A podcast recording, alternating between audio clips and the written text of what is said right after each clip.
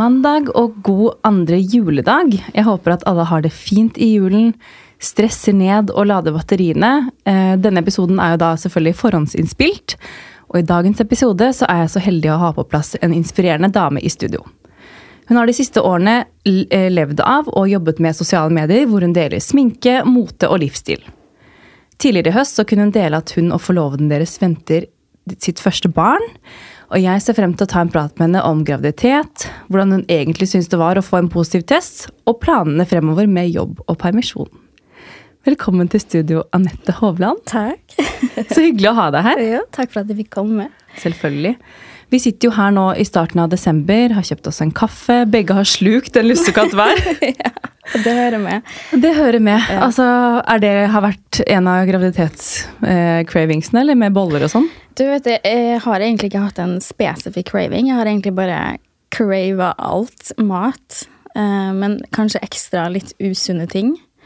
Um, så da går det en del bakevarer og sånn. Vet du hva, bakst er så Bakst er alltid godt, men det er akkurat som at carbs bare er ekstremt godt når man er gravid. Mm. Man får liksom ikke nok. Nei, det er helt utrolig. Så Nei, men man skal unne seg. Herregud. Man skal unne seg. Ja. Eh, det er litt sånn Vi var på en familiemiddag i går, og da var jeg sånn Ja, ja, jeg tar to, jeg. Ja. Det er jo no way back. Det er ikke akkurat som at den magen her blir noe mindre. Så. Nei, det er nettopp det. Du har en unnskyldning. Og så er det litt det her med at eh, ja, spise for to, da. Altså, da må det være lov å ta en ekstra, liksom. Ja, ja. ja. Men du, hyggelig at du er på Oslo-tur, da. Mm. Fordi du bor jo egentlig i Stavanger. Stavanger. Ja. Eh, de som ikke kjenner deg eller følger deg på sosiale medier, kan ikke du ta en sånn liten rask intro om Jo, det Anette? kan jeg gjøre.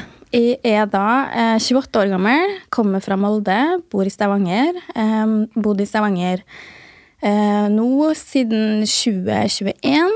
Um, bodde der i to omganger, for så vidt. Jeg er jo sammen med en fotballspiller, så vi har vært litt eh, rundt forbi. Bodd litt forskjellige plasser.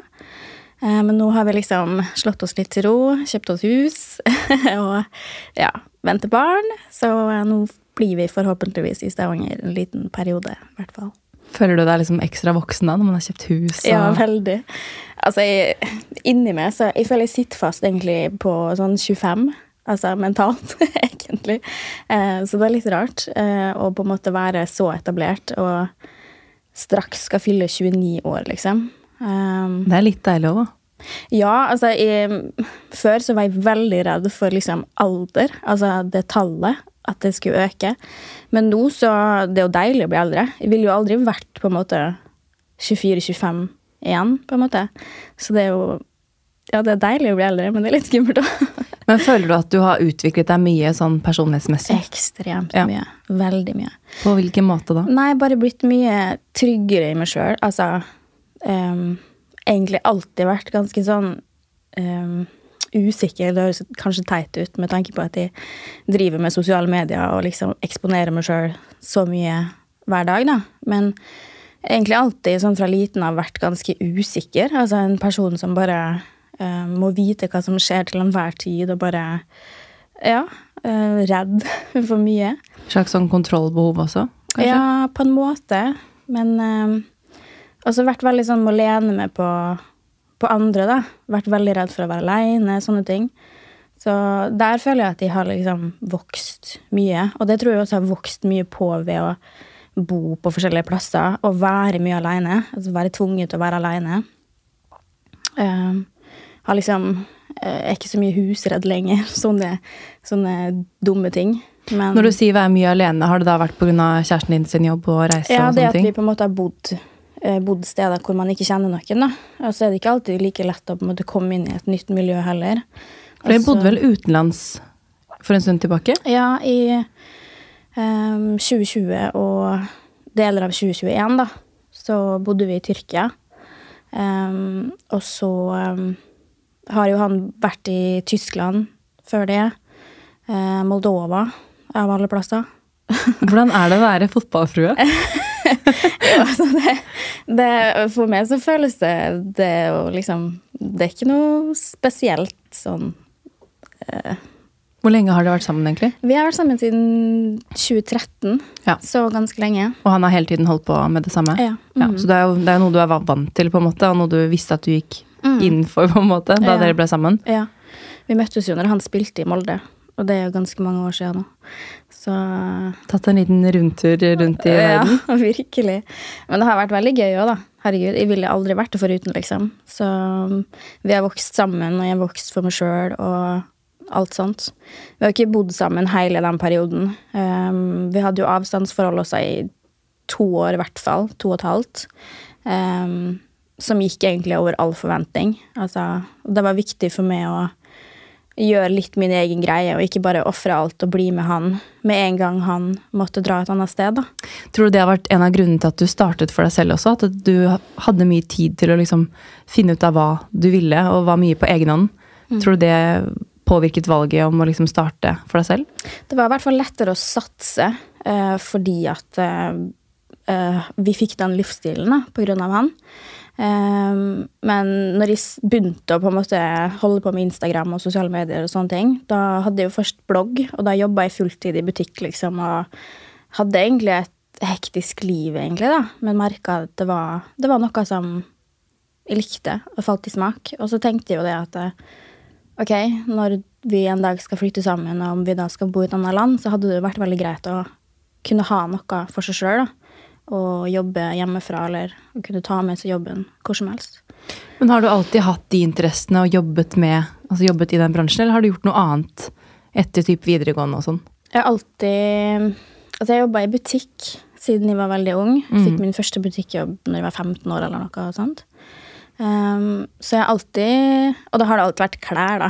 Så det har liksom alltid vært mote som på en måte har vært eh, greia mi. Um, så ja. Men egentlig butikkjobb er det eneste jeg har på en måte gjort. Men du har jo også, som du sa innledningsmessig, du har jo også drevet med sosiale medier altså mye lenger enn på en måte bare de siste årene, hvor du har levd av det. da.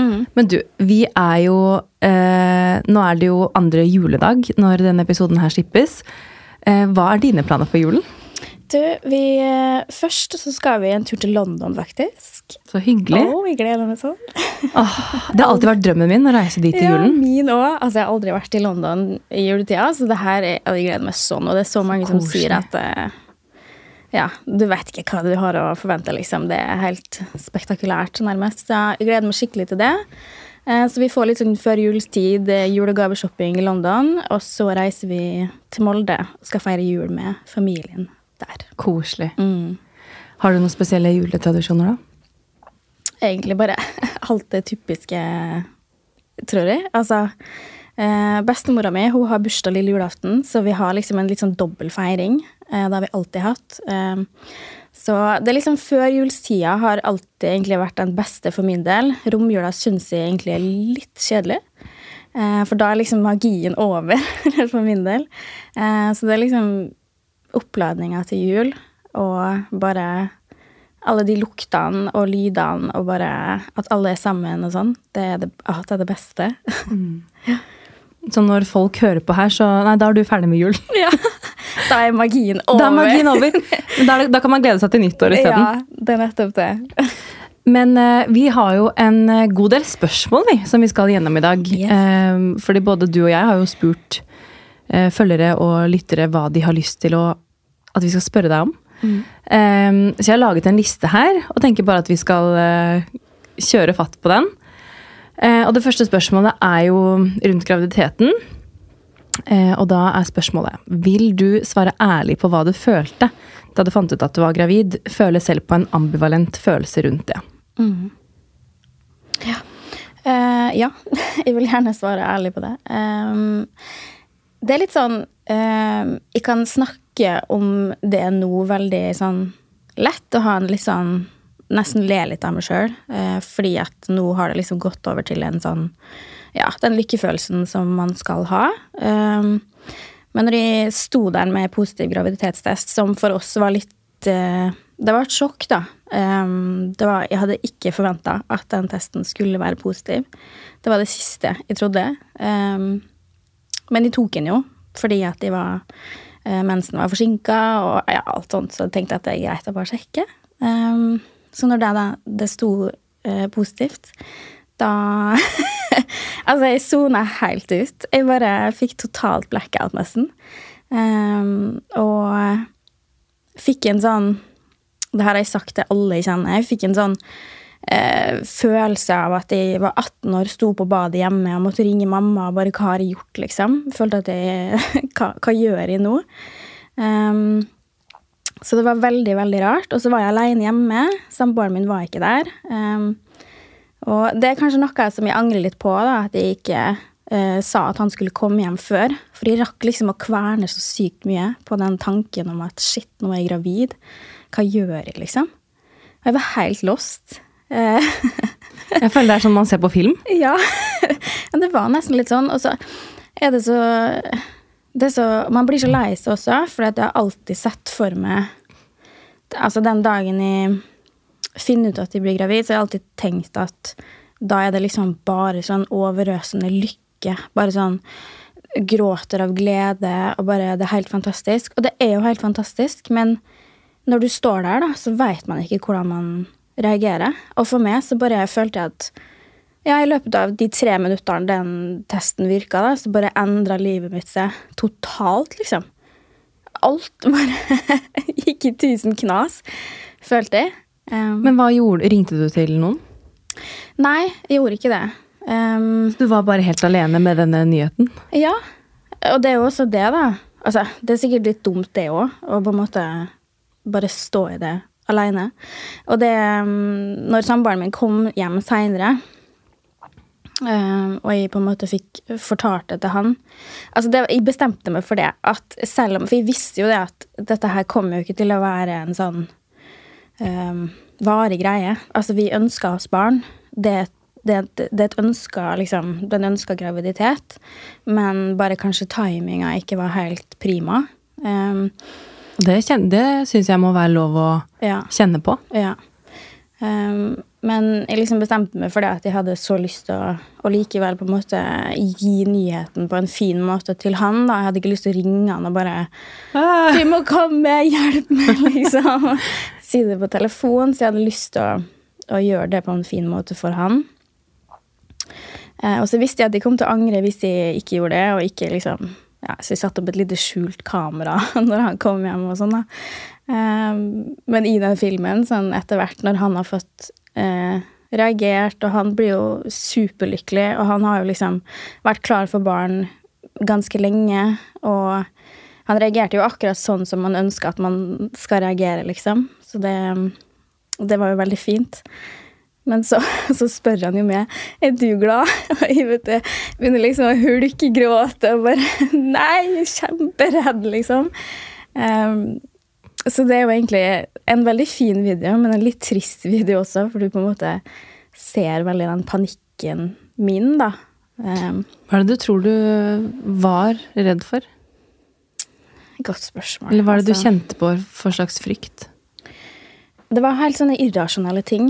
Jeg husker jeg sa til, sa til samboeren min at eh, herregud, ingen kommer til å ville henge med meg. altså Vennene mine kommer til å droppe meg. altså Selvfølgelig, det er jo ikke tilfellet i det hele tatt.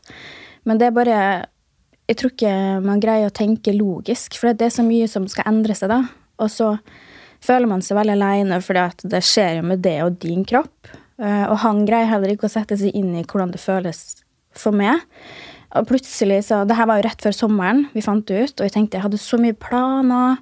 Og liksom, jeg skulle ut, og liksom, nå kunne jeg ikke drikke alkohol. og liksom, Som om det er det verste som kan skje. Men altså, der og da så var det det var tungt, liksom, å innse at eh, ok, nå kommer liksom livet til å endre seg såpass mye. Og så skal vi jo gifte oss neste år. Og jeg hadde liksom håpa at vi skulle få rukket å gjort det før barn. Eh, og tenkte at ok, da må vi avlyse det. Um, Du men- begynte rett og slett å tenke veldig sånn praktisk på alt som Ja. skulle skje. mm, Er du sånn av person? Nei, men det krisemaksimerer veldig. Ja. Og tenker veldig ofte negativt før jeg greier å se det positive. Uh, så der er jeg og samboeren min veldig forskjellige. For han Du ser måte- den kaffen for halvtom, Ja, ja, og no, han kan se den for halvfull, på en måte. Det er akkurat sånn. Så når jeg begynte å på en måte si alt til han det jeg tenkte var dumt, og sånn, så blei jo han sånn Men hvor får du dette fra? Altså, hvorf- hvorfor skal ikke vi gifte oss neste år, da? Så jeg bare, Vi kan jo ikke det. Vi har jo et, et lite barn. Han bare Ja, men eh, ok, andre gifter seg jo selv om de har et lite barn. Så bare Ja, men Går det? Altså, hæ? Greier vi det, liksom? Ja, selvfølgelig. Så det, det har vært veldig bra å ha han som en litt sånn eh, støtte Altså, det er han generelt i livet for meg, for jeg er veldig sånn Jeg kan være veldig negativ og veldig sånn eh, kverne på ting, tenke mye, overtenke sinnssykt mye. Um, og han er liksom det stikk motsatte.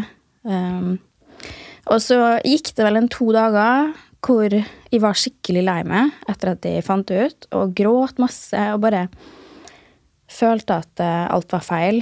Og da sa han at du må, kan du ringe mammaen din og bare si det til henne, for hun veit akkurat hva hun skal si og gjøre. Og da gjorde jeg det. Det er jo ikke sånn du på en måte vil liksom gi den nyheten videre til besteforeldre heller, da. Men de måtte bare. Og eh, liksom Hun tok telefonen og hørte at de gråt, og liksom blir jo bekymra med en gang. og bare, Hva er det for noe, liksom? Og um, jeg bare sa det jo bare rett ut. De tok en test, og den er positiv. Hva, altså, og jeg er så lei meg, liksom. Og så hører jo det, hun prøver, liksom prøver å holde tilbake reaksjonen sin litt, for hun hører jo at dette er ikke gøy for meg. Um, men blir jo veldig sånn Det er jo veldig gledelig, liksom. Men jeg skjønner at uh, dette var ikke helt det du så for deg. Men så er det noe med det å bare få snakke med mamma, da, og bare liksom få det ut og um, ja, si alle de bekymringene jeg hadde til hun også. Og bare at hun fikk meg litt nedpå, da. Fikk meg litt ned. Men handlet det noen gang om at du tvilte på deg selv? I, roll, altså sånn, i liksom den rollen du går inn i? Det tror jeg nok, ja. Det gjorde. Altså, jeg, som sagt, jeg har alltid ønska meg barn. Alltid sett for meg um, å bli mamma. Men um, Når den testen først var der, så ble alt bare så Ja. ja altså, reelt, på en måte? Ja. Og så av en eller annen grunn så har jeg på en måte alltid tenkt at det, det er ikke sikkert det blir så lett for meg å bli mamma. Eh, kanskje vi ikke får det til. Kanskje For jeg har liksom sett så mye rundt meg, eller mange rundt meg som sliter med å bli gravid og sånn, så jeg tror også det var liksom det sjokket med at, eh, at jeg faktisk blei gravid, og så blir man med en gang litt sånn Tenk hvis det er noe galt. Altså begynne å google ting og og, og alt det. Um, så det, det, var bare Det var bare så mye. Det var innmari mye som jeg ikke aldri har sett for meg at jeg skulle tenke på engang. Hvordan behandlet du deg selv? Var du flink til å være god mot deg selv i den tiden der? Absolutt ikke. og det, det, det, er et godt spørsmål, for det sier, det sier samboeren til meg veldig ofte, egentlig, at du er nødt til å være snillere med deg sjøl. Du er nødt til å liksom ikke gi deg sjøl sånne unødvendige bekymringer. Eh, overtenke og, og, liksom Og grave det sjøl ned, da, for det kan jeg veldig fort gjøre hvis jeg blir veldig opphengt i ting. Um, sånn som eksempel det med at det kunne vært noe galt. da, At du googler, og så er det liksom Får man opp alle skrekkscenarioer som finnes, liksom. Um, og da igjen så kan han komme og si men hvor får du dette fra? Så det er ingenting som tilsier at det er noe galt eller det skal være noe galt, så hvorfor tenker du på det da? Så det var sånn Det bare, det bare kommer. Det er bare Det er sånn jeg tror jeg. Men uh, Jeg, jeg syns det er så fint ja, at du kommer hit og Du prater jo veldig åpent da, om hvordan du føler det, og det tror jeg er så fint for mange å høre. At ja, altså det er ikke alltid liksom et lykkelig bilde på Instagram og en mm. test, og så er alt good, liksom. Er, alle har en historie og en, mm. en bagasje da, som er viktig å få frem. Altså, jeg husker jeg tenkte den første tida, så tenkte jeg mye på at jeg kunne ønske at det var mer fokus på eh, litt forskjellige reaksjoner eh, rundt det her. Altså, jeg skjønner jo også at det kan på en måte fort bli misforstått, fordi det er liksom Ja, det er mange som sliter med å bli gravide, det er et veldig sårt tema fra før, da. Og så skal man på en måte eh, legge fokus på det å ikke være glad for nyheten. Men det handler liksom om så mye mer enn det, da. Det ligger litt dypere enn det. For som sagt, så det var ønska 110% men det bare Man kan ikke noe for det man føler der og da når man faktisk står med den testen. Og det veit ingen hvordan man eh, reagerer på. Men eh, jeg, jeg, fant fram eh, Jeg kom på eh, faktisk eh, Jeg tror det sesong to eller noe av Funky Fam. Når Jørgine ble gravid med sistemann. Eh, den kom jeg på, for da husker jeg at hun reagerte eh, litt sånn At hun var veldig lei seg, for det var dårlig timing og alt sånt der. Så jeg så den sesongen på nytt, og det var liksom det eneste jeg, jeg, jeg kom på som, som var noen som følte det samme som meg, og det hjalp faktisk veldig. Vi følte at vi Da følte jeg at jeg kjente meg igjen i hennes følelse. Men så husker jeg også det at når jeg så den sesongen første gang, da reagerte jeg jo helt annerledes. Da tenkte jeg herregud, hvordan kan du ikke være glad for at du er gravid, liksom? Men når jeg så den på nytt, da, når jeg var i samme situasjon, da bare ga det så mening. Jeg bare tenkte at ja, jeg føler det akkurat sånn, liksom. Og det er greit, og det må være greit, det også. Um, og så er det Det er noe som ligger inni en at du veit at det kommer ikke til å være sånn hele veien. Jeg visste det, at det kom til å gå over. Og det gjorde det jo. Um, og nå så er det jo liksom det beste nok en gang, og jeg gleder meg så mye. Uh, så det er liksom viktig å få frem det òg, at uh, det er ikke sånn for evig, på en måte. Og uansett hvor lang tid det tar å komme liksom over det, så går det over, på en måte. Når følte du på en måte vendepunktet var? Altså Når gikk det over, og når begynte du å liksom glede deg, og bekymringene begynte å slippe litt? Det var vel kanskje um, Det her er jo mitt første barn, så um, jeg har jo tatt uh, Vi har vært på ordinær ultralyd, hvor vi på en måte fikk uh, ja, vite at egentlig alt var bra og sånn. Etter den ultralyden så hadde liksom ikke den der trygge følelsen likevel. Um, og jeg tror det var fordi at det var veldig sånn klinisk. Altså det var veldig Det gikk så Rutine, fort. på en måte. Ja, og jeg skjønner jo det de gjør jo det her ja, altså 15 minutter på hver person. eh, Så mange Rullebånd ganger. videre, liksom. Ja, virkelig. Skal bare det- se at alt er good, og så er det next. ja, så jeg følte liksom ikke at jeg fikk eh, svar på noen spørsmål, og bare følte meg litt dust, egentlig. Så jeg bestemte meg for å ta en privat uh, ultralydtime uh, uka etterpå. Um, hos ei som var så varm og så fin, og bare forsto veldig bekymringene jeg hadde, og alt sånne ting. Så det var etter den timen at jeg på en måte virkelig landa i at ok, nå er alt bra. I tillegg så fikk jeg se mye mer, altså um, Og det, det, det gjorde mye, da. At uh, alt ser fint ut, og alt er good, og liksom Man får det veldig bekreftet svart på hvitt, på en måte. Mm, veldig. Så etter det så føler jeg at jeg greide å i hvert fall slappe av med tanke på at det ikke er noe galt, og greide å liksom glede meg på ordentlig. Mm. Men hvordan har formen vært, da?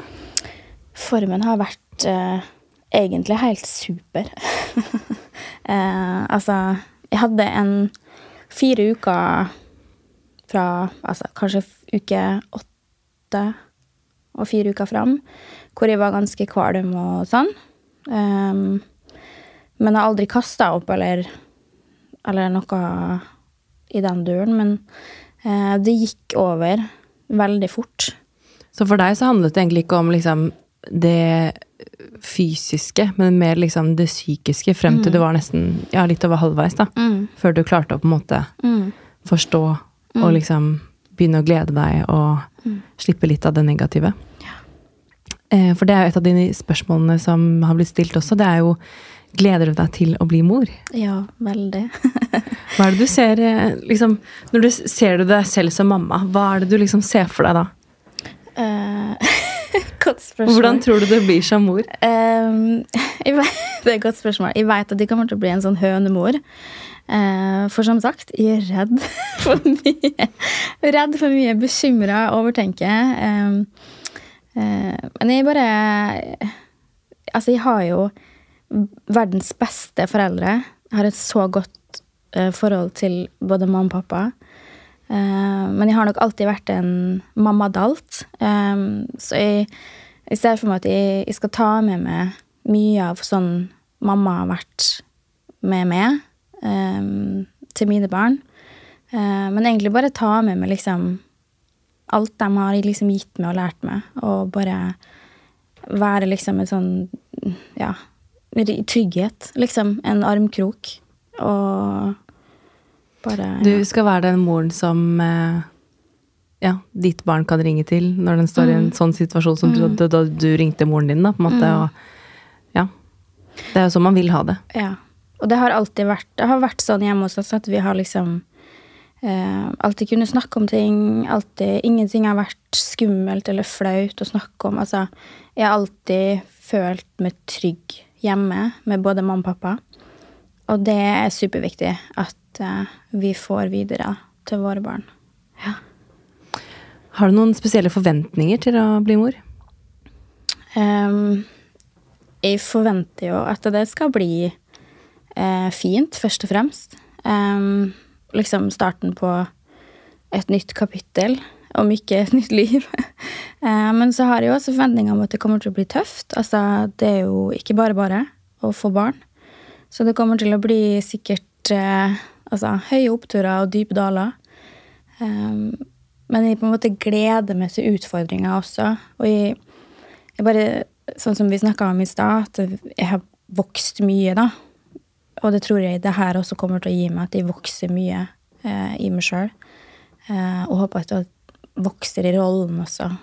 Og Det føler jeg veldig mange beskriver etter at de blir mor selv. At på en måte man um, Man blir en slags Eller man altså, Nå kan jeg snakke for meg selv, men jeg har i hvert fall følt at jeg, jeg er nødt til å bli en bedre utgave av meg selv for å være en god mor. da. Eh, og da på en måte forandrer man seg jo kanskje litt um, Jeg har ikke forandret meg som person, men at jeg har forandret meg liksom mer i hvilken retning jeg ønsker å være. da. Um, og det er jo litt sånn, det vet man ikke før den babyen er der, da. Nei, det er nettopp det. Um, neste spørsmål. Kan dere snakke litt om det å være redd for forandring og FOMO når man får barn? Ja. det Ja, jeg fikk jo veldig eh, angst for FOMO og sånn når jeg fant ut at jeg var gravid. Em, da tenkte jeg jo at ingen kom til å ville være med meg. ingen kom til å ville henge med meg. Altså eh, sånne ting eh, som er helt, eh, eh, helt Irrasjonelt. Ja, veldig. Em, jeg har jo også verdens beste jentegjeng som har støtta meg hele veien. Eh, og vært så glad på mine vegne og inkluderer meg like mye som før. Eh, og har liksom sagt at vi tilrettelegger alt etter det. Altså sånn når du får barn, så eh, vi skal gjøre alt vi kan for at du skal være med på ting. Altså, vi kan komme til det. Altså, det så de har vært helt nydelige. Tror du den redselen handlet om at du var redd for å være liksom en slags byrde for gjeng? Altså sånn at du skulle dra ned liksom forventningen eller stemning, eller var det det det dreide seg om? Kanskje litt ja. Um, for det er jo med en gang hvis du er i en setting der det er alkohol involvert, f.eks., så man er jo alltid litt annerledes med litt alkohol innabords. Og tenker kanskje at man er en litt morsommere versjon av seg sjøl når du har drukket litt. Um, men det trenger ikke nødvendigvis å være sånn. Ehm, sånn som på julebord med, med jentegjengen og nå, så jeg drakk jo ikke en dråpe alkohol, men hadde det jo kjempegøy for de. Eh, og de gir jo uttrykk for at de merker ikke noe forskjell på meg, selv om jeg ikke drikker. Og det er jo veldig deilig. Eh, men jeg kjenner jo litt på det liksom, når jeg kaster inn håndkleet litt før de andre. liksom, Er jeg kjedelig nå hvis jeg vil dra hjem, liksom? Og det Men- er man jo absolutt ikke. Nei, men da får vi jo til svar at nei, selvfølgelig. Altså, gå hjem, legg det. Jeg har liksom. ofte fått liksom det også sånn der, herregud, skal ikke, du, skal ikke du hjem snart, liksom? Sånn. ja. For jeg er også sånn altså, så lenge, hvis man er, Du også er i god form. Hvis man er i god form, eh, så må man jo bare følge liksom, kroppen. da. Er det naturlig å henge ute eller dra ut på byen eller gjøre hva enn, så må man bare gjøre det, da. Ja. Eh, og så kaster man inn håndkle, så kaster man inn håndkle. ja. Eh, har du noen familie i nærheten som kommer til å hjelpe til når barnet kommer? Eh, min, altså min nærmeste familie, mamma og pappa, de bor jo i Molde, eh, så det er jo et stykke unna. Og så har jeg storesøstera mi i Lillestrøm. Ehm, så i sånn umiddelbar nærhet Nei, ikke fra min side i hvert fall. Ehm, men samboeren min sin familie, eh, foreldrene hans i hvert fall, de bor på Sørlandet. Og det er jo ja, to-tre timer kjøring, så de er jo nærmere, da. Mm. Så det er jo litt greit å, å ha litt trygghet i det, at de er nærmere. Men eh, har, han har en del gode kompiser i, i Stavanger, og jeg har en del bekjente der også, så jeg føler meg på en måte ikke Jeg føler meg ikke aleine sånn sett. Eh, men jeg kunne selvfølgelig ønske at jeg hadde foreldrene mine mye nærmere. Eh, Det har alltid vært greit å ha de litt sånn ja. borti huden. Ja, altså jeg er oppvokst med eh, bestemor som bor liksom 500 meter unna. Kan liksom gå bort til henne. Gått hjem til henne etter skole, etter SFO, altså sånne ting. Um, hatt henne som en sånn ekstra trygghet, da. Så jeg kunne jo selvfølgelig ønske at mine foreldre bodde rett ned i gata. Men eh, du veit aldri. Plutselig så er vi naboer en Det er dag. nettopp det. Man Ja. vet ikke, og jeg tenker sånn Ja, eh, avstand, men det, det blir jo hva man gjør det til òg, da. Plutselig så kommer de på besøk, og så Mm. er de Det er litt sånn Jeg har jo en venninne som har familie sin i Nord-Norge, og så når de fikk nummer to nå, så kom de på besøk, og liksom Mm. Det blir jo litt sånn Mamma også sier til meg ofte sånn 'Å, du bor så langt unna', så er det sånn Det er en halvtime til Drammen, liksom. Ja. Sånn, bare, hadde vi sett hverandre mer om jeg hadde bodd i Drammen? Det Mest sannsynlig ikke. Mm. Nei. Fordi man har jo sitt liv, og så må man Kanskje man eh, har litt mer kvalitet da, når man ikke Mm. Eller når man må planlegge litt mer rundt at man skal møtes. Så jeg Mm. tenker at det, det blir hva man gjør det til. Ja, absolutt. Og så har det kommet inn litt spørsmål om klær og inspirasjon. Hvordan du får inspirasjon til å kle deg som gravid. Mm. Har du noen tips til hvordan man skal kle seg? Eh, De som følger med på Instagram, de vet at det det her har jeg snakka så mye om, at de syns det er så vanskelig med å kle seg og finne noe som passer. Eh, Og jeg har hatt så mange eh, plagg som jeg har kjøpt, og så typ dagen etterpå så passer det ikke lenger. Og det har vært så frustrerende. Eh, Men man må liksom bare innse at det er sånn det er. Du blir større for hver dag som går. Men mitt beste tips det er nok sånne kjoler. Liksom deilige kjoler. Eh, og nå gjerne i ull. Ta på en god strømpebukse. En kjole som sitter fint. Altså få frem magen litt hvis du vil det. Eh, en fin kåpe. Sånne ting. Gravid tights. Også en oversized genser over. Det er min go to. Ja, sjæl. Vi begge sitter her med tights og Ja. vi, i, altså, vi er helt like. Ja. Vi har på oss uh, kåpe, boots, uh, sort tights og sort genser. ja, Men det enkleste er ofte det beste, da, syns jeg. absolutt. Når, man prøver, altså, når jeg prøver veldig å liksom få til en look, så er det sånn Enten så kan det funke, eller så er det sånn Ok, men det beste er å bare ta på seg noe basic som jeg vet jeg føler meg vel i. Mm. Um, men hva syns du om at eh, kroppen forandrer seg? Har du vært komfortabel med det? Det har vært veldig rart. Veldig uvant. Um, jeg har jo alltid Jeg har alltid liksom hatt litt former og sånne ting. Men det har vært litt sånn tøft å svelge det å ikke få på seg buksa. Og det å kjøpe liksom buksa i den største størrelsen, og så passer ikke det engang. Det har vært litt rart. Men så er det jo litt sånn Det er jo naturlig. Altså, magen blir jo større fordi det ligger et liv inni der. Eh, og det er jo egentlig bare veldig fint. Så med en gang magen poppa, at den syntes, at man kunne se at jeg var gravid eh, For før det så blir det litt sånn Er du oppblåst, eller Man føler bare at man har spist litt mye taco. Ja, food baby, liksom. Ja. Eh, men med en gang den poppa, og du så at ok, hun er gravid, da embracet jeg det bare. Da følte jeg meg fin. Det er ikke noe flottere enn en gravidmage. Nei, sant. Og at man bare går der med liksom Mm, det, Jeg har jo egentlig aldri kledd meg i stramme ting, mm, men det er jo liksom egentlig litt motsatt. Så nå som jeg har og sett på kjoler til julebord og sånn, så Og jeg tar på meg en kjole som kanskje er litt sånn loose, da, som jeg kanskje vanligvis ville gått for, og noen kule boots, det er sånn, da ser jeg ut som et telt. Men nå vil jeg jo på en måte gå med stramme ting og vise frem magen, da. Det er jo Ja. Man skal jo, plutselig så er ikke den magen der noe mer, og da kommer man til å savne det.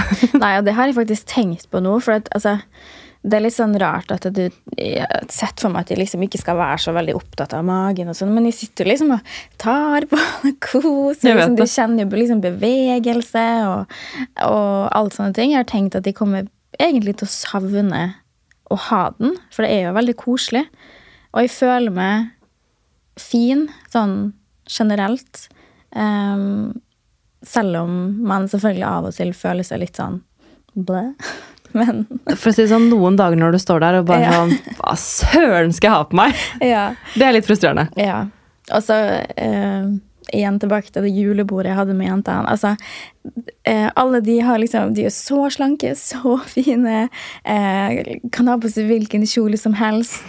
og da hadde jeg liksom et par moments hvor jeg bare Åh, shit. Jeg føler jeg ser ut som Hufsa, liksom. Og det skal jeg bekrefte at du ikke gjør. Nei.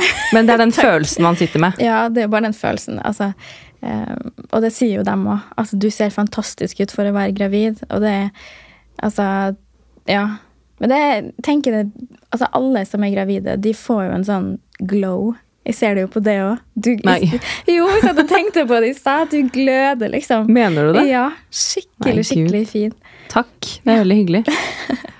Og du, altså, du ser jo smashing ut, så det er ikke noe å snakke om engang. Nei, takk. Men, eh, men eh, ja, kroppen forandrer seg, og altså, det mentale Alt forandrer seg jo på en måte når man går gjennom en graviditet, og det er litt sånn Jeg vet ikke. Det er bare Plutselig så sitter man med tanker, og så som du sa litt tidligere i episoden også, så er det jo sånn Kjæresten din, eller den du på en måte deler den eh, opplevelsen med å gå i en graviditet med, uansett hvor på en måte nær de er deg, så kan du jo aldri forstå det der med å liksom kjenne et spark, eh, gå med alle hormonene, eh, kjenne på hver eneste lille ting. altså sånn Bare man hører en sang eller en film, der liksom ting kan sette deg ut av Eller følelsene kan sette deg ut av spill bare på et lite knips, liksom. Og det er så mye som skjer som man på en måte Altså Jeg må stoppe opp liksom litt sånn nå som det spesielt er jul, og det er mye Man blir veldig fort rørt av liksom julefilmer og sanger og Altså, jeg kan gråte av å se en tegnefilm, liksom. Og Nei, man må bare liksom tillate seg å bare ha den hormonbølgen nå, da. Og bare Ja. Ja. Det. Kjenner meg veldig igjen i det. Ja. ja. Men er det noe du gruer deg til rundt det å få barn? Ehm, ja, altså jeg Jeg vet ikke om jeg gruer meg, men jeg er veldig spent på den overgangen fra ikke barn til barn. um, og hvordan det på en måte skal påvirke uh, meg og kjæresten min, for eksempel. Da. Altså Du sa jo uh, i stad også at dere er veldig flinke til å spille hverandre gode. Altså sånn, Dere er kanskje forskjellige på noen ting, men så er dere veldig flinke til å liksom møtes på midten og liksom At det blir en fin balanse, da. Eh, og det er jo sånn som sikkert er veldig fint å ta med seg når det kommer et nytt liv i familien også. Ja. At man eh, For det, selvfølgelig, det er jo sånn jeg har merket også siden vi fikk barn, at på en måte Styrkene styrkes jo, og svakhetene de er jo synlige, de også, på en måte. Men så blir man jo på en måte litt tvunget til å hva skal jeg si, eh, steppe opp for hverandre og finne en eller annen sånn form for samarbeid da, som man kanskje ikke har hatt før. Og man blir på en måte bare Ok, du gjør sånn, jeg gjør det, du går ut med bleia, jeg fikser her. Altså, det, det blir liksom bare Til slutt så bare finner man en måte, og så bare går det, da. Mm. Ja. Selv om det er veldig overveldende, og jeg tenker jo nå som vi skal få et barn til, så kommer vi jo til å være igjennom det samme på nytt, selv om man har gjort det en gang før. Så er det sånn, jeg sitter jo med de samme spørsmålene nå for denne fødselen. Og sånn, oi, hvordan kommer det til å bli med oss? Liksom sånn, selv om vi har opplevd det før. Så det er litt sånn, selv om jeg er andregangs, på en måte, så er det jo, jeg er like spent på sikkert de samme tingene som deg. Mm, Ja. Og så er det jo litt det her med at jeg, jeg, Ja, som du sier, altså dynamikken oss imellom hjemme, hvordan den på en måte blir, og for min del òg hvordan man blir påvirka av det her med lite søvn, f.eks. Altså, plutselig så får man en unge som har kolikk, altså som gråter mye, ikke sant, og litt den her hjelpeløsheten da, som man kan føle på sikkert. Um, den er jeg veldig spent på, hvordan man takler den. Um, og det her med Særlig det her med søvn og sånn. Jeg kan få ekstremt kort lunte. Um, så det er sånne ting jeg bare Ja. Men det, det var en av de tingene jeg var liksom mest spent på. var sånn søvn. Fordi var sånn, ok, Hvis ikke jeg får de åtte timene mine, da er jeg en heks dagen etter. Sånn kunne jeg være før. Og jeg var også sykt kort lunte og følte bare at det påvirket en hel dag. Men så tror jeg bare Da jeg var i den situasjonen, liksom, og det bare var så mye hormoner oppå, så var jeg liksom plutselig et punkt der så var det sånn Oi, jeg har sovet i tre timer i strekk. Ja, men jeg kan stå opp nå. Så jeg var sånn Hvem er jeg? så jeg tror, jeg tror hormonene hjelper oss så sjukt. Ja, jeg håper det. Um, så lenge man har de, så får jeg bare Ja. ja, ja. ta det som det kommer. Um, har du alltid ønsket deg barn? Det har du egentlig svart på. Uh, men hvor mange kunne du tenke deg å få? Ehm, altså, jeg ehm, Jeg har jo ei søster, så vi er to. Ehm, så jeg har alltid tenkt i hvert fall to. Um, og så spørs det. Kanskje tre også. Samboeren min, han, de er tre søsken. Så Det virker så hyggelig å være tre. Ja, jeg veit det, men det, du skal jo skal jo følge opp tre òg, da. Det er jo Ja. ikke bare bare. Liksom, to er jo veldig sånn eh, convenient å ha. To stykker.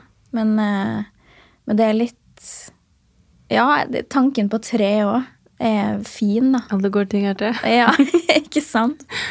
Mm, Det blir spennende å se. ja. Men du, litt sånn avslutningsmessig her i dag, så tenkte jeg at uh, vi er jo ganske sånn likt på vei. Ja. Um, nå er det snart nyttår, og jeg føler sånn når januar begynner, da er det jo bare smakk, smakk, så er det fødsel snart. Hvordan forbereder du deg til fødsel? Uh, ja, godt spørsmål. Um, Eller har du begynt å forberede deg på noen måte? Jeg har meldt meg på et kurs um, som er sånn smertefri fødsel. Uh, og det skal jeg begynne på um, nå etter nyttår. Så det gleder jeg meg egentlig veldig til. Det er vel eneste det jeg liksom har tenkt på angående fødsel. Er du eh, Du har jo nevnt nå at du på en måte har vært litt sånn negativ og kan tenke liksom det verste, og liksom at det, du bekymret deg en del i starten av svangerskapet. Eh, er det noe du gjør også mot fødsel? Um, jeg har eh, Jeg er ikke redd for smerten under fødsel, egentlig. Um, men jeg har ekstremt uh, nåleskrekk og, og sånn, så jeg har alltid på en måte hatt lyst til å, å få til å ha en fødsel så naturlig som mulig. Eh, og derfor så tenker jeg at det er greit å bare ta sånne kurs, kanskje kjøpe noen bøker, bare for å få de verktøyene som jeg kan få da, til å liksom takle det. Ehm, jeg er ikke redd for fødsel sånn sett, men jeg, jeg har vært litt sånn spent på eh, hele opplevelsen av det. Og jeg er mer redd for det å miste kontroll eh, over det som skjer. Ehm, men, ehm, men ellers så er det egentlig noe jeg bare har et veldig avslappa forhold til foreløpig. Det kan jo endre seg, men eh, Jeg syns det høres veldig Det høres veldig bra ut, egentlig. Ja. Sånn, jeg prøver å tenke sånn kanskje du har noen tips? Nei, men jeg kjenner meg veldig igjen i det du sier, fordi eh, jeg også tenkte liksom, og tenker jo for så vidt nå, at liksom smerten den kommer uansett. Den kan jeg ikke gjøre noe med. Men det jeg kan gjøre noe med, er liksom mindset og pust og de andre tingene, da, på en måte. Eh, og det jeg også var ve veldig redd for, var å miste kontroll. Eller jeg var redd for at jeg skulle gjøre det, på en måte. Og på en eller annen måte så mister man jo litt kontroll, men jeg følte ikke at jeg ble redd, hvis du skjønner. Sånn, Så for meg så var det veldig viktig at det liksom de eh, rundt meg liksom At jeg fikk liksom informasjon og beskjeder og liksom fikk vite hva som skjedde underveis. Eh, og det er det jo flere som har gjestet denne podkasten som har sagt også, at skriv fødebrev, ta med fødebrev. Eh, og jeg skrev det, men jeg tok det faktisk ikke med. For jeg var sånn, nei, nei, men vi har ikke printer, jeg gidder ikke å printe. Altså sånn. Og det er sånn, Du kan jo bare sende det på en mail. Ja. på en måte. Det, det er liksom ikke det det står på. Men for meg så hjalp det veldig å bare å skrive det fødebrevet. Det skal jeg faktisk prøve å finne fram eh, før jeg skal føde andre gang, og bare lese sånn for meg selv. Men der hadde jeg blant annet skrevet det at jeg var liksom Jeg håper at jeg liksom føler at jeg har kontroll underveis. Og at uh, de som er inne på den fødestuen, kan fortelle meg hva de gjør, og hva som skjer. Samme som uh, rar sammenligning for øvrig, men når man er hos tannlegen, og du ligger der og liksom aner ikke hva de driver på med, så er det sånn Bare si hva du driver med, så kan jeg slappe av. Fordi hvis det plutselig kommer en, eh, et eller annet slags redskap, og du ikke aner noen ting, så kan man jo kjenne på frykt. Og det var litt sånn jeg liksom følte at det hjalp i hvert fall meg. Når du ligger der i den sengen da, med bena spredd og tenker at du må stå du skal bare stå i det, så hjalp det veldig med liksom tydelige beskjeder underveis. da. Ja, og det er, jeg er helt enig. Og det med at det kommer folk til og fra altså sånn, det er sikkert, Hvem er du? Hva skal ja, du? Det er sikkert normalt, men altså, plutselig så det jo kan det jo være flere folk der inne enn du trodde det skulle være. Altså sånn, Sånne ting også. Hvorfor det? Altså, bare alt for å unngå eh, litt sånn At du blir usikker. Og, ja. Mm. Um, har du begynt å tenke noe på fødebag, da? Nei, Nei? ikke i det hele tatt. For det har jeg skrevet opp som et punkt der, faktisk. Um, om du har begynt å pakke den, eller tenkt på hva du skal ha med deg. Nei, jeg hørte på episoden du hadde med Marte Brattberg for noen dager siden. Og eh, hun hadde tips om å ta med seg høyttaler. Så det, det har jeg skrevet ned. Det er det eneste. Um, for å få litt god stemning. Jeg tok altså så mye med meg at inntil den uh, fødselen sist at uh, jeg tror jammen meg de trodde at jeg skulle flytte inn der. Jeg hadde med meg så altså sånn, Jeg nevnte det før, men jeg hadde med meg kortstokk. Ja. Fordi jeg hadde fått beskjed om at det kunne ta sjukt lang tid. Jeg skjønner ikke når jeg skulle rukket å spille spille kort. Men uh, igjen, da, tilbake til det å føle at du i hvert fall er forberedt og har gjort det du kan, så hjalp det meg å bare Ok, den bagen var stacka opp med snacks. Det var tøfler, det var liksom noen småting da, som jeg i hvert fall var glad jeg hadde med. Mm. Vannflaske og liksom, ja, sånne type ting. Men um, nei, hva annet? Jeg tenker Jeg bedre å ha med seg for mye Enn for lite. For lite. Altså, Det ga i hvert fall meg trygghet. ja, om man vil ta med seg tøfler, så tar du med deg tøfler. Altså, Ja. sånne, sånne ting. Det ja. Jeg hadde med tøfler. ja, ikke sant? Morgenkåpe, kanskje. Mm. Ja. Og begge føder jo på vinteren, så jeg tenker jo sånn, det som sikkert er digg å ha med seg, er litt sånn varme ullsett. Mm. Eh, altså når man skal gå rundt på sykehuset der, så er det digg å ha noe som er varmt. Mm. Jeg fødte jo på sommeren sist, og da gikk jeg jo bare rundt i den sykehusskjorta i flere dager, men det er jo litt kaldt å gjøre det nå. Mm. Mm, så nei. Jeg tenker at eh, litt nærmere fødsel også skal jeg ha med en eh, ja, ha, ha en egen episode om fødebag. Hvor jeg skal gå gjennom alt. Så skal jeg forberede oss begge. ja, men det er bra. det. Jeg trenger det. Men du, um, det er jo snart nyttårsaften. Um, hva er deres planer på nyttår? Eh, Nyttår har jeg faktisk ikke noe særlig planer. Jeg tror jeg bare blir hjemme med mor og far og Koselig. søster. Og hun har jo to barn, så eh, det var alltid kjekt å bare være med dem også. Um, Samboeren min han skal på hyttetur med noen kompiser. Jeg ble invitert, men jeg takka pent nei. Du orka ikke? Nei. Så eh, nei, jeg tror egentlig det bare blir en rolig nyttårsfeiring for min del. Ja. Jeg synes, Det er kanskje litt sånn rart å si, men jeg syns nyttår er litt oppskrytt. Man har alltid sånn skyhøye forventninger om den dagen, og så er jeg egentlig bare mer enn happy hvis jeg kan være med noen jeg er glad i, og ta på meg noe paljetter eller ta noe glitter på neglelakken og ja, ha noen bobler i glasset, så er jeg veldig happy. Veldig enig. Det er faktisk sjelden at jeg har liksom hatt en skikkelig vellykka nyttårsaften. Eh, men i fjor så hadde, hadde vi mm, Da samla vi hele jentegjengen med partnere og alt. Eh, så jeg lever litt på den enda, og føler egentlig at nå har jeg fått liksom en skikkelig, skikkelig bra nyttårsfeiring. eh, for da hadde vi det så gøy. Så det at det blir en rolig en i år, det lever jeg godt med. Og så er det litt fint å tenke på at på en måte, det her er liksom siste året du ikke er mamma, på en måte. Eh, så nyttårsaften blir jo på en måte litt sånn symbolsk også. At liksom nå går man inn i et nytt år. Nye ting skal skje.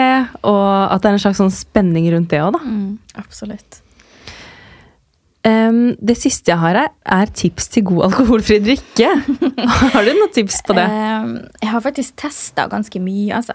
Fordi at em, jeg er ganske glad i vin. Sånn heller vin enn øl og drinker og sånn. Uh, men alkoholfri vin har jeg virkelig ikke greid å finne noe godt.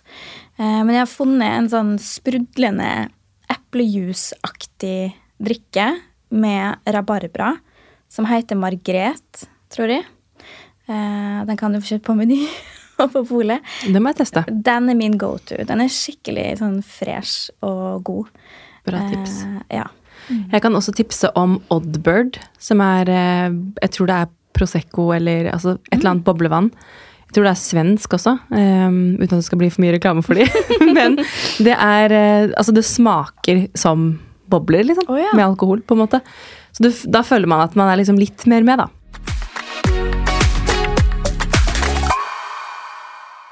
Men eh, vi kan ikke ha en Mamlife-episode uten hot mama-tips.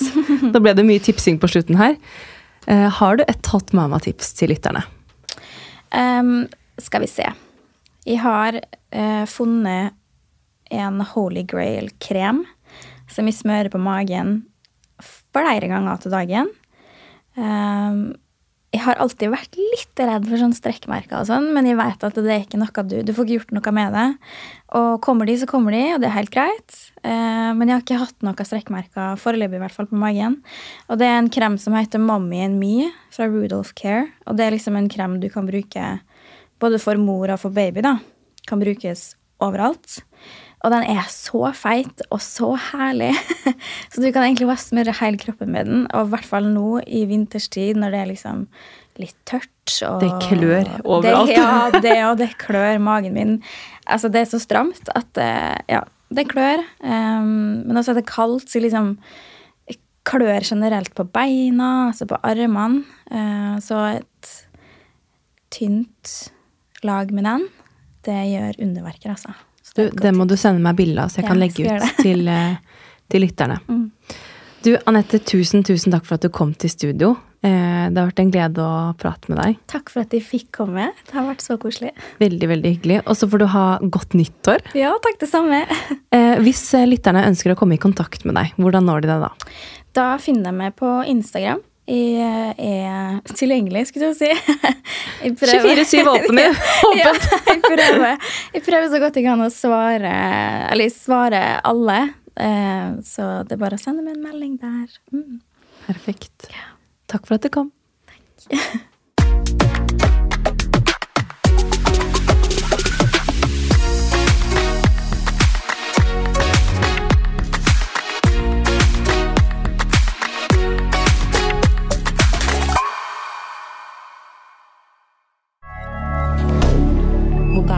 Spider.